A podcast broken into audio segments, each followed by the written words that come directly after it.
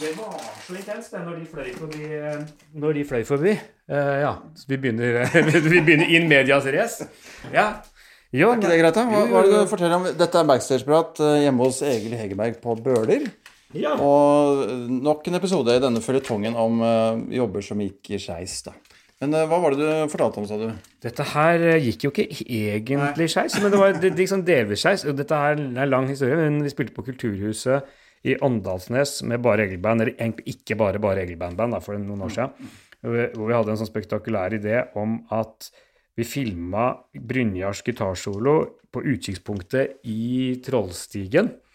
Så for å bruke det under kveldens konsert. Så når, når låta 'Hjelp oss å samle rauma' ble spilt, så, så går tidlig låta så går Brynjar av scenen mens han spiller gitar.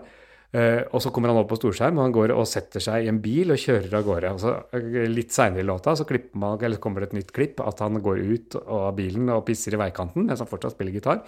Og så når soloen kommer, så dukker han da opp eh, på dette spektakulære utkikkspunktet i, i Trollstigen, filma fra drone. Eh, og det er sånn skikkelig uh, Axel Rose Nei, hva heter det? Slash, slash-øyeblikk. Ja. Sånn eh, ordentlig fjelltopp-gitarsolo i ente potens. da. Så jeg var med på dette her tidligere på dagen og, og sto nedenfor og filma litt sjæl med mitt eget kamera. Så var selve finalen var jo da at to basehoppere hoppa fra en, eh, en høy fjelltopp rett i nærheten, og hoppa rett forbi, og også filma gitarsoloen fra hjelmkamera. Uh, og dette skulle jeg filme på mitt eget kamera. Og der, men jeg blei så oppspilt av, av alt dette her, av at de sto oppe hugget der, og det tok lang tid før de hoppa sånn, så jeg begynte jo etter hvert å eh, ha kameraet mitt på pause når jeg sikta på ting som skjedde, og så skrudde jeg det da av hver gang jeg tok kameraet ned i hvileposisjon, så jeg endte opp med ganske mange minutter filming av mine egne føtter, og null filming av folk som flyr forbi i wingsuit på én meters avstand i 250 km i timen, som jo var en ganske så skjellsettende opplevelse. Og grunnen til at vi kom inn på dette her, hva var det, Yngve? Det var at spilleren min sto på pause. Så vi fikk jo ikke med den eh, spektakulære introen da jeg gikk opp inn verandainngangen. Ja, for jeg så jo deg komme, eh, og så kalte jeg, deg, kalte jeg på deg og fikk deg til å gå inn verandainngangen, og så lagde jeg en liten sånn historie om at, eh, at jeg da ikke ville at naboene skulle se at jeg var med på podkast, fordi at eh, naboene er kritiske til De er ikke så glad i moderne ting. Jeg bor på Bøler, jeg, vet du. Og, så dette er fra bor eller sameie fra 50-tallet. Og, og her er det ikke podkast, her går det i NRK. Ja. Vanlig FM-radio. Ja. Inntil videre, sikkert. Og så har, har du bakt tre brød, det har vi jo også snakket om, men eh, da sto spilleren også på pause. Ja, ja, ja. Bakt tre brød i forskjellig størrelse, men de ser jo fine ut. Jo, takk. Jeg har, eh, siden det skulle komme fintfolk, så har jeg vært Og får du besøk i dag? Ja, jeg, får, jeg har allerede fått selveste Yngve Skomsvold fra podkasten Backstage Prat, som i dag da ikke kommer fra en backstage. Med mindre man ser på hele livet som en scene, da. Som allerede var jo den William Shakespeare var inne på, som jeg da nevnte tidligere. At han, var, at han, sa, han sa jo at hele livet var en scene. Så det vil jo si at hver gang man er bak der hvor de leves, eller i nærheten, så er man backstage. Ok, Så nå er vi bak der det leves. Ja. I, eller i nærheten av der, der livet sjøl utfolder seg. Yes, sir. Så de Ja, Og her har det da blitt bakt brød. ja det er de brødene. Ja. Fortell om, nå litt mer om det. Jeg skal fortelle mer om brødene. Jeg har da, det jeg har gjort, er å ha blanda sammen forskjellige melsorter med gjær. Du, litt interessant å vite hvilke melsorter, eller? Ja, det, det er litt ekstra interessant i dag. For i, i går så kom jeg hjem fra Sverige, så jeg handla eh, mel i Sverige. Så det er svensk Jeg er ganske sikker på at hvetemjøl er det vi kjenner i Norge som eh. Ja, for det står hvete med e, bare V, altså Ja. ikke HV. Ja, så står det mjøl istedenfor mel, men det, det tror jeg skal være greit. Men når det kom, for jeg pleier da, altså det jeg pleier å ha, er eh, en del siktet hvetemel og så en del forskjellige sammalte eh, sorter. Og da går det i eh, sammalt grov og fin hvete og sammalt grov og fin rug. Men det er der jeg nå er litt usikker på hva, hva som har skjedd når jeg da har kjøpt rågmjøl i Sverige. Er det, er det å sammenligne med det norske rug? Det er jo helt ute, kan vi ikke vite. Nei, det er i det blå. Det er umulig å si. Ja. Så det, kanskje vi får et svar i løpet av podkasten. Jeg vet at du har litt lavt blodsukker, så kanskje du trenger deg litt av skive. Spørs det. altså. Det var derfor den eh, spilleren sto på pause òg, velger jeg å forklare det med. i hvert fall. Mm. Ja, vi- eh, skulle jo egentlig gjøre dette backstage på Brille, eller Green Room på Brille. Ja. Ja, der må jeg ta på meg litt av skylda. Jeg kunne kommet ti minutter før, som, eh, som jo høres ut som en enkel sak, men eh, den dagen så hadde jeg litt lavt blodsukker. Og jeg skulle lage mat til noen unger som skulle på trening, og jeg var så sabla allergisk. Så jeg var helt slått ut. Så da valgte jeg å si nei, du, vi tar ikke det nå ti minutter før. Jeg, vi tar det heller etterpå, sa jeg. Så Da hadde jeg stukket. da hadde du stukket, og før jeg rakk å se at du hadde stukket, så stakk jeg. Du, Det ser jo koselig og landlig ut her på Bøler. Er det her du har vokst opp, eller? Jeg vokste opp på Bøler, men ikke her eh, hvor jeg bor nå. Men eh, jeg vokste opp på, på Tveteråsen, som vi snart skal se i den store internasjonale filmen 'Snømannen'. Den foregår delvis da i min, min, eh, mitt gamle miljø på Tveteråsen. Men nå bor jeg mer ned, trygt nede på, på gamle Bøler, selv om noen kaller det Ulsrud. Og Tveteråsen ligger jo i hvert fall på Ølsrud, så egentlig så er jeg fra Ølsrud. Og så bor jeg nå på en, eh, et omdiskutert område. Eh, Det ligger jo i Bøleveien. Skulle tro at det var ganske trygt at det, det var Bøler. Rett ved Bøler gård. Fortsatt høres det ut som Bøler. Men det er noen, eh, det er noen sinnataker som mener at dette er Ulsrud. Ja, for da, da jeg kjørte forbi jeg, Før jeg skulle til deg, måtte jeg innom butikken for å kjøpe banan eller to. Ja, for å få to- blodsukkeret? Ja. Og da kjørte jeg forbi Ulsrud T-banestasjon, rett oppi høyet. Så da tenkte jeg ja, så er det samme sted omtrent. Ja. Ulsrud og Bøler grenser til hverandre. To gårder dette er fra gammelt av. Hvor- Hvorav Bøler tror jeg er den eh, absolutt eldste. Men det, dette blir kanskje litt in- uinteressant for, uh, for uh, podkastlytterne. Så skal ikke, dette kan vi godt klippe bort. Du, Man kan jo se hvor folk uh, oppholder seg idet de lytter på podkasten. Skal vi se om det øker litt her. Kan man det? Ja. Har du, du har tilgang til metadata som sier deg eh, når, når folk mister interessen? Sånn at man kan maksimalisere, og du, hvis du merker at, at snakk om gårdsnavn og historikk Hvis det booster, så vil du begynne å, å få folk til å snakke mer om det? Ja, Det er derfor jeg snakker om alt mulig forskjellig. Og tester hva som funker mest. Men eh, ja, fordi som nevnt eh, Husker jeg ikke om jeg sa det før eller etter at mikrofonen ble skrudd på andre gang. Men eh, jeg hadde en tante som bodde på Bøler. Ja. I de kunstnerboligene ved Nøklevann. Med eget atelier og greier. Så det var jo veldig hjemmekoselig for meg, som kom fra villastrøket til Bærum. Men det å reise til Bøler da, det føltes som en sånn ekspedisjon. ja. Og så var det blokker og så, Det er sånn blanding av drabantby og villastrøk, på en måte. Åssen det å vokse opp her? Takk, bare bra. Det, jeg bodde jo oppe i Som sagt på Tveteråsen. Men hva, Du sa at nå er det mer ned i trygge bøler eh, Hva var det du sa? Ja, dette her er jo det- det- jeg, Dette er en eldre del av drabantbyen Bøler enn eh, den jeg vokste opp i, da. Det er da kaffen som vi hører, som, eh, som da Og det må vi understreke nå. At uh, Yngve Skomsvold kom ikke tomhendt til podkasten, for det fikk vi ikke med oss. Han hadde med seg litt godt til kaffen. Han hadde med kremtopper. Så det gleder vi oss nå til å ta. Men vi, først må vi ta en brødskive. For først uh, det sunne, og så kan vi kose oss med en lita god, god snabb med kremtopp uh, etter det. Så hvordan det var å vokse opp på Bøler, det var bra. Eller på Ulsrud. Hva vil du ha på brødskiva? Ja, hva er det du har for noe? Her har vi en eh, cheddar. Vi har eh, en salamiost. Vi har noe Henriksen-pølse. Er noe Aner ikke hva det er, men det ser godt ut. Jeg tar det. Henriksen-pølse, ja. Cheddar. Hva tror du om det? Det tror jeg ikke noe om. Det tror jeg ikke noe på. Nei, nei. Nei. Hva er Henriksen-pølsa? Det er en Er det fra eh, Sver Sverige, det da? Nei, den er fra Norge. Det er en på, på nabotunet som gikk bort her for et halvt års tid siden. Og da er det sånn her Dette er jo gammelt sånt selvbyggerlag. Så da nyttiggjør man seg ressursene. Så hvis en, eh, en av går bort, så lager vi pølse av dette. er Henriksen-pølse. Så når jeg, når jeg en gang dør, så blir det Hegerberg-pølse på tunet her. Nei, det er, jeg lurer på om det er reinsdyr. Hvis vi skal være det er reinsdyr. Etterrettelig. ja, altså vi, det er da den, den type reinsdyr som uh, kalles hest. hest. Hestedyr. Hestepølse, altså. Nei, hestepølse.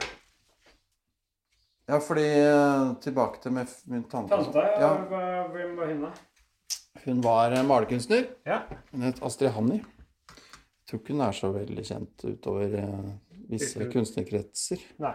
det er ikke jeg selv om hun hadde vært kjent utover kunstnerkretser, så hadde jeg vel ikke vært så innmari flink til å vite hvem du var. For bilder, du skjønner, jeg er så veldig svak på, på alt som har med visuelt å gjøre. Jeg er helt grønnsak på visuell fortellerkunst og foto og komposisjon og bilder. Idiot, rett og slett. Så jeg, har, det er, jeg har ingen glede av å se på malerier. Jeg prøver. Kanskje hvis det er en kjempetjukkas som er malt, så kan jeg synes det er litt gøy. Hvis det er noe som er Men jeg blir først og fremst irritert. Sånn, skal vi se. Vil du ha litt melk i kaffen din, dere? Nei da. Det vil jeg ikke. Du ville ikke ha cheddar, du? Nei da. Du det, ha salamiost? Det liker du godt. hva da? Salamiost? På, på tube? Ja. Det er det verste jeg har hørt.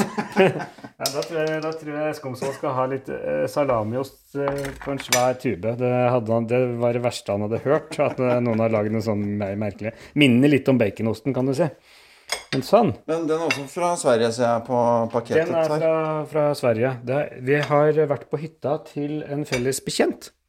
Felles bekjent av Av oss to. Oi! Vi, han Per Øystein Lund. Er Fra Bare Egil Nei, Bare Egil altså, Reidar Rose Orkester. Han spilte sammen med oss i Reidar Rose Orkester. Men hva spilte han igjen? Synt, var det? Nei, jeg spilte Gitar? litt synt. Jeg tror han spilte uh, gitar, ja. Ja. Så jeg spilte keyboard, kanskje bass. Han spilte han litt Bass, bass også. ja. Mm. Da rusler vi ut til stua, da, rett og slett. Og satte oss ned i salongen til Egil. Og um, hva slags stil vil du si at du har her? Jeg er så dårlig på å beskrive sånne stiler på interiør og sånt. Ja, det er spennende. Vi, har- vi har eh, litt eh, en, en blandingsstil. Det er satt, satt sammen etter tilfeldig metode. Vi har det gulvet som uh, fulgte med huset når vi kjøpte det, bortsett fra at vi, fra det var eh, da et veldig mørkt, ekstremt glinsende gulv. Så har vi slipt det ned, så det nå er eh, et mørkt, men litt mer matt gulv, da, som vi likte bedre. Det var eh, sånn at det var vanskelig å være i leiligheten, fordi, eller hus, huset, fordi at det ble så mye gjenskinn eh, i, i gulvet at man ble blenda. Så det Så har vi noen møbler av forskjellige, forskjellige slag, Ja, som enten har kjøpt sjøl, fått eller funnet. Og så er det ting rundt omkring. Det er en bue der som var der fra før. Buet eh, slags vindusløsning i muren ned mot trappa.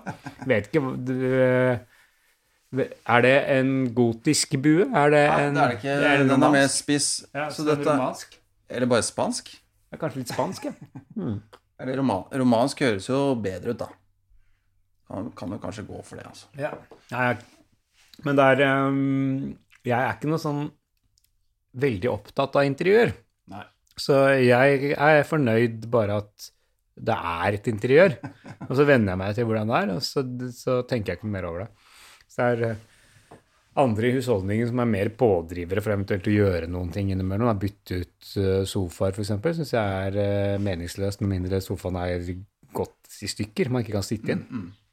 Så da blir det litt mer Sånn, sånn som dette her blir da. Kan du, kan du peke, litt, peke litt rundt. Peke litt, ja. Ikke forklare. Ja. Og så er det en, en vedovn og sånn og greier. Ja. Det er trivelig, da. Mm, det er veldig kjekt når det er kaldt. Kan man fyre, da kan putte ved inn og, og fyre opp utover det. Så er det jo den vedovnen som sto her når vi kjøpte huset. Og da tenker jeg som så at så er det vel den som passer her. Ja, antagelig. Men du, du, hadde en, du hadde en jobb, eh, sier du, som du ville fortelle om? Ja, en jobb som gikk gærent. Eller en jobb som øh, Altså, jeg, det er jo mange jobber eh, som Jeg har gjort mange jobber opp igjennom. Og det er, vil jo si- sier seg selv at eh, det er jo litt berg-og-dal-bane. At noen går bedre enn andre. Jeg har jo egentlig som, jeg har valgt ut én spesifikk jobb i min karriere til å, være, til å bære byrden av å være den verste jobben. Fordi at jeg vet at uh, rundt omkring i landet så er man ikke så glad for å bli trukket fram som det dårligste spillestedet. det, det, ska, det skaper bad vibes, så er mindre mulighet til å komme tilbake. Uh, så da har jeg tenkt at da er det, hvis jeg velger et sted, kan jeg heller si at det stedet spiller jeg ikke igjen, for der er jeg ikke så veldig populær fordi jeg alltid snakker dritt om det stedet. Men uh, så, så var det, jo- det Det var jo en tung kveld. Så det, selv om det nå er 20 år siden og vel så det, så fortjener det faktisk fortsatt å stå som det verste. Altså, det var, det var på når jeg var på lanseringsturné i 90, 1996 for eh, den første Bare Eggband-plata, som da var en ganske stor suksess på den tidspunktet. Så var, det var jo fulle hus og stormende jubel overalt. Og da spilte jeg i Stjørdal, i eh, Trøndelag. Og da var det sånn at da spilte jeg på, på kjøpesenteret der på formiddagen. Platekompaniet, tror jeg, eller en eller annen uh, platebutikk, svær platebutikk. Og det var smekkfullt. Hundrevis av folk. Og jeg spilte noen sanger, og det var, det var jo applaus, men det var liksom helt, egentlig helt tyst. Veldig sånn rolig publikum. Eh, og ingen som snakka med meg etterpå, eller det var sånn veldig sånn uh, avmålt på en eller annen måte. Selv om det var dritmye folk. Og på en måte så gikk det jo kjempebra. Solgte masse plater og signerte og sånn. Og så var det da å spille på Bamses pub på kvelden.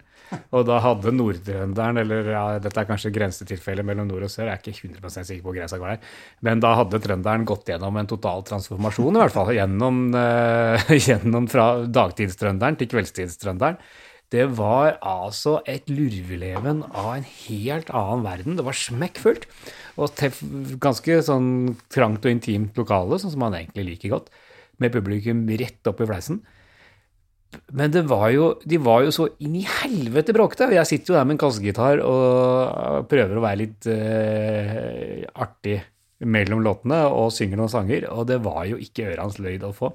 Så det var, Jeg husker annet at det sto ei jente rett i trynet på meg på første rad, og sammenhengende i en time så står han og skriker 'Spill Cornflakes-låta! Spill Cornflakes-låta!' Det her mellom låtene så måtte jeg liksom flere ganger bare henvende meg sånn privat til henne og si du, unnskyld meg, jeg vet ikke hva du snakker om. Jeg, jeg kan ikke noe Cornflakes-låt. Hva er det?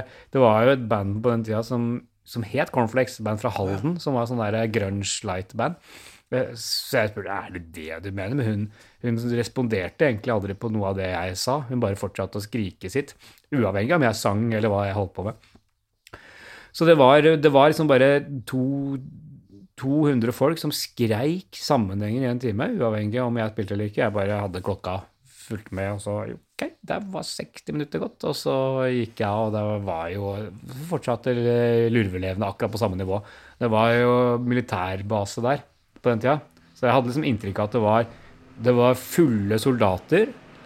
Og så var det fulle unge jenter fra eh, grenda, holdt jeg på å si, som da flørta med soldatene for å gi storebrødrene sine en unnskyldning til å slå ned soldatene etterpå. Det var liksom eh, det var kveldens økosystem. Da. Det var sånn, sånn det funka der oppe. Så det jeg holder nok den der for den verste fortsatt, selv om det dundrer inn altså det spiller på Karmøy juleshow, f.eks. Det, det er ikke bare bare det heller.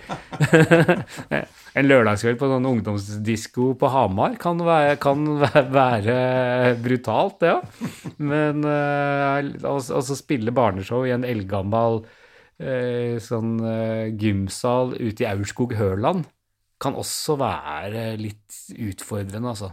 Hva?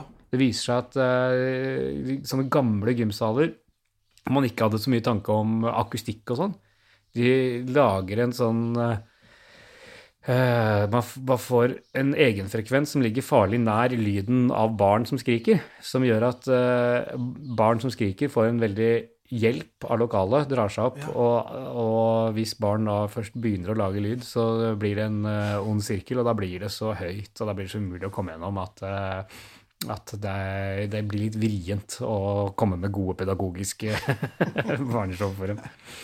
Hvor er det beste stedet å opptre? Mm. Eller det er kanskje tilsvarende, Du vil ikke plukke ut det beste stedet heller? For Nei, for det, andre som ikke blir nevnt. det vil jo være veldig uh, slemt overfor de andre stedene. Hva som er det aller beste stedet å spille? Ja, eller liksom kuleste konsertopplevelser? Kuleste konsertopplevelser ever er jo selvfølgelig å spille på den båten som heter A37, er det den heter, jeg tror, i Budapest. Å? Som ligger eh, på, på Det er Donau. Ja, og så var det der dere spilte etter at eh, jeg møtte dere i Praha. Ja. Så der har, spilt, der har vi spilt tre, to ganger med, med Hurra Torpedo og solgt ut begge gangene. Det har vært helt fantastisk stemning. Så det har vært helt rått, liksom. Og det ene ble jo filma og vist på ungarsk TV. Og, men så har jeg også spilt der før det, noen år før det, så har jeg spilt der med bare regelband for norske studenter nedover i Øst-Europa. Og det er noe av det kuleste jeg har vært med på. Det var fantastisk gøy. Det er eh, Hele båten er så Den er så jævlig kul. Altså en gammel, svær båt som er hvor man er, har backstage med en svær bar bak i maskinrommet. Uh, og så er det dødskul scene, og så er det restauranter oppe der. Ja, forholdene er dritkule. Og så klart når det da kommer masse ungarere og er helt ellevilt entusiastisk, så er det jo kjempegøy.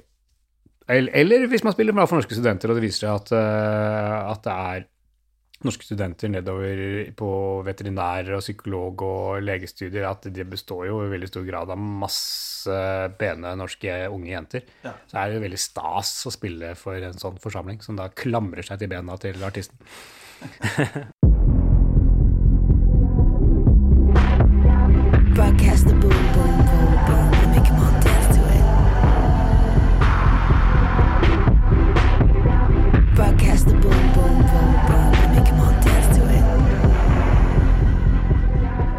Hi, my name's Dex Carrington. I've been doing stand up for about seven years. Uh, past three years, been doing about six shows a week. And uh, it can get pretty brutal if you take your worst nightmare, multiply it by a million, add the flu, and a little bit of AIDS, and you got it. Uh, basically, I was doing uh, an award show for a very large uh, multinational corporation that was uh, noted on the stock exchange. So they had very serious, serious bosses, and they were uh, very engaged in the content of what I was going to do on stage. And they, I, I'd done it the year before. They'd basically taken my one and a half hours of material and shaved it down to about 19 minutes because I wasn't allowed to talk about anything. Anyway, so I was allowed to come back the next year, and it was going to be more liberal, and it was going to be fine. Blah blah blah. So anyway, I'm there. It's an event that costs 10 million kroners. There's 800 people in the audience. There are seven huge, like 10 by 5 meter screens with close ups of my face, including another like 20 screens all over the entire fucking huge thing. And now, basically, I'm standing there in a tuxedo five minutes before I'm supposed to go on. I'm carrying the entire reputation of Stand Up Norway, the reputation of this huge conglomerate, the reputation of the person who booked me, the reputation of the event company, which this goes through, is so much responsibility. It's weighing on my shoulders, and I'm there. I'm, okay, I got some new material. It's going to go fine, and this is going to be a great, great evening. So, right as they're introducing me, ladies and gentlemen, give it up for your host for the evening. The boss comes up to me. She goes, "Oh, by the you can't talk about lesbians or gays or gender or sex or cancer or disease, or also you can't talk about like peop different races and like people being from different races, and like you also can't even Dex Carrington." Like as she's screaming this, I'm like pulled up on stage. I have no material. I have nothing.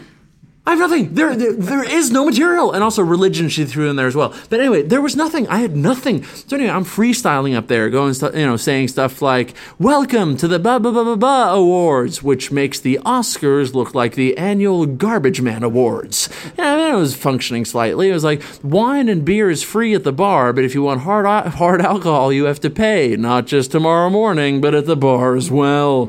I was barely surviving, but I knew that most of this night was based on me showing videos. The nominees are, the winner is, you know what I mean? The you know why they've chosen this person, whatever. So I was like, I was okay. 30 seconds, I get to show video. This is going to be great. One of the event guys, he runs on stage, huge motherfucking stage, and he just whispers in my ear, listen, none of the videos are working. The entire system is down. Everything's gone to shit. And then he walks off stage. And I'm standing there in front of 800 people at an event that costs 10 million, 10 million kroners with like 700 people's reputation standing on my fucking shoulders in a tuxedo. So I breathe and I go, trust your training. My brain goes, there is no training. I've never been trained for this. What the hell's happening? So anyway, then uh, basically I just say, uh, I bet you're all wondering what that guy who ran on stage and whispered something to me said to me. Well, basically he said, I want to be more than friends. Now's not the time, Steve. Now's not the time for your gay advances. And so I was actually able to pull it off, and it taught me that I was better at freestyling, I guess, or you know, uh, uh, you know, im- uh, improv than I thought. So uh, the best jobs in many ways are the- are are the worst jobs because it's torture and terrible. And not only that, man, but they flew me in at 7 a.m. So I get there at 8 a.m. I get to the hotel at 8:30. Then I call them. I go, "What am I supposed to be on stage?" 8 p.m. 8 p.m. What the hell's happening here? Who's booking these tickets? And then I go to the front desk. They go, "Just check into your room, chill out." You know what I mean? I go to the front desk. I go, "Listen, I need to check in." No, no, no one gets to check in until 4 p.m. 4 p.m. So I'm sitting there not having slept in a freaking lobby, like passed out halfway in a coffee shop, like dying slowly, hating my life, and I'm just going like, why do they want this to happen? I'm looking at the photos from the actual event. I look like I've shot heroin. I'm so tired. There's just puffy bags under my eyes. Like it looks like I've been doing drugs continuously with the guy from the Rolling Stones who did the most drugs for about three, four weeks, and that's how terrible I look. So we all have memories visually, and undoubtedly there will be more terrible, terrible gigs to come, but I'm looking forward to them.